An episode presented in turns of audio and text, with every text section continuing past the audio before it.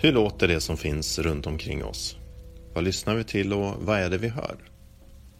Det här är frågor som jag då och då funderar över och som väcks till liv efter att ha läst de inledande sidorna i Valeria Luisellis roman De förlorade barnen, ett arkiv i översättning av Niklas Nilsson.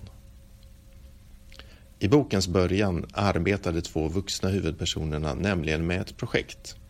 Att spela in och dokumentera de grundtoner och ljud som är utmärkande för New York. De två fortsätter sedan med att försöka spela in alla språk som talas i staden. Alltså, hur låter en stad, en plats och det som bor där? Mina egna ljudminnen av New York börjar genast att spelas upp för mitt inre. För visst har väl alla platser och städer sina egna speciella ljud? Hur låter egentligen närområdet här utanför biblioteket? Visst har väl den sitt alldeles egna ljud och platsen har väl en egen karaktär? Men går den att spela in? Jag bestämmer mig för att prova. Här är min hus då. Skulle varit konstigt Röster av barn finns det ofta gott om i de angränsande grönområdena. Men vad händer om jag styr stegen ut mot torget? Jo, jag träffar några bekanta som står och äter glass som jag blir bjuden på. Varför tror du han är här hela tiden? Men gick det att fånga in känslan av platsen? Nej, jag vet inte. Åter till Valeria Luiselli. Hon ritar snabbt upp spelplatsen för berättelsen och presenterar karaktärerna. Vi befinner oss i en bil med två vuxna och två barn. Det är uppenbarligen på väg någonstans och i den här bilen kommer det att lyssnas, berättas och bråkas. Vara full av ljud, helt enkelt. Men även av en tystnad som kanske är den som låter allra högst. Luisellis tidigare böcker har jag upplevt som roliga, uppfinningsrika och smarta men absolut inte tramsiga eller svåra. Jag tycker mig snabbt känna igen hennes stil i De förlorade barnen. Vi får alltså följa med en familj som gör en resa från New York genom USA mot Arizona.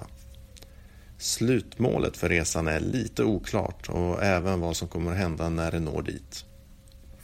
Men de två vuxnas tankar upptas till stor del av deras uppgift och uppdrag. Kvinnans är att ta reda på vad som hänt med två barn som försökt ta sig från Mexiko till USA. Och mannens är att spela in ljud som kan berätta en historia om USAs ursprungsbefolkning. Men det är såklart också en historia om de fyra personerna som sitter i bilen. Vad de varit med om, hur det hör ihop, hur deras dåtid sett ut och hur framtiden kan tänkas bli. Samtidigt som stämningen mellan de två vuxna i bilen blir allt kärvare. I bagageluckan finns det sju stycken arkivlådor vars innehåll det redogörs för i de olika kapitlen. Det blir en väldigt speciell resa med många stickspår och beskrivningar av platser, personer och inte minst historier som berättas för att underhålla barnen i baksätet. Louis Selly refererar gärna till andra författare och konstnärer som jag antecknar på ett papper. Och när boken sen är slut så har jag en referenslista eller ett arkiv som kan sysselsätta mig ett bra tag. Ju längre resan går desto allvarligare blir historien om de två försvunna barnen och även om alla andra barn som försökt ta sig från Mexiko in i USA. Samt historien kring USAs ursprungsbefolkning. Det går inte att värja sig mot Louis Sellis engagemang i de här frågorna som hon lyckas levandegöra och aktualisera på ett väldigt effektivt sätt. Men i det allvarliga finns också mycket humor, inte minst från lekarna i bilens baksäte. Och igen får det mig att fundera kring det ljud som omger mig och de mer eller mindre begripliga lekar och snabba humörsvängningar som hela tiden finns som ett bakgrundsljud i min vardag. Sätt din hand och så sätter jag på min hand här. Okej, då, och nu har jag, och nu har vi... Tada! Wow. Berättelsen tar även ett par oväntade vändningar och byter berättarperspektiv. Och när jag är färdig med boken är jag nästan beredd att börja läsa den en gång till.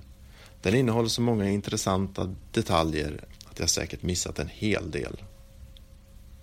Det finns även en, om en kort men väldigt rolig analys av Jack Kerouacs klassiska USA-resa på drift som fick mig att skratta högt. Men framförallt är det barnens historier. Det försvunna, det som sitter i baksätet och det som tillhör ursprungsbefolkningen som gör boken enastående. Jag kommer att fortsätta att följa Valeria Luisellis författarskap med stort intresse i framtiden och påminna mig om att försöka öppna öronen för att lyssna till det som omger mig.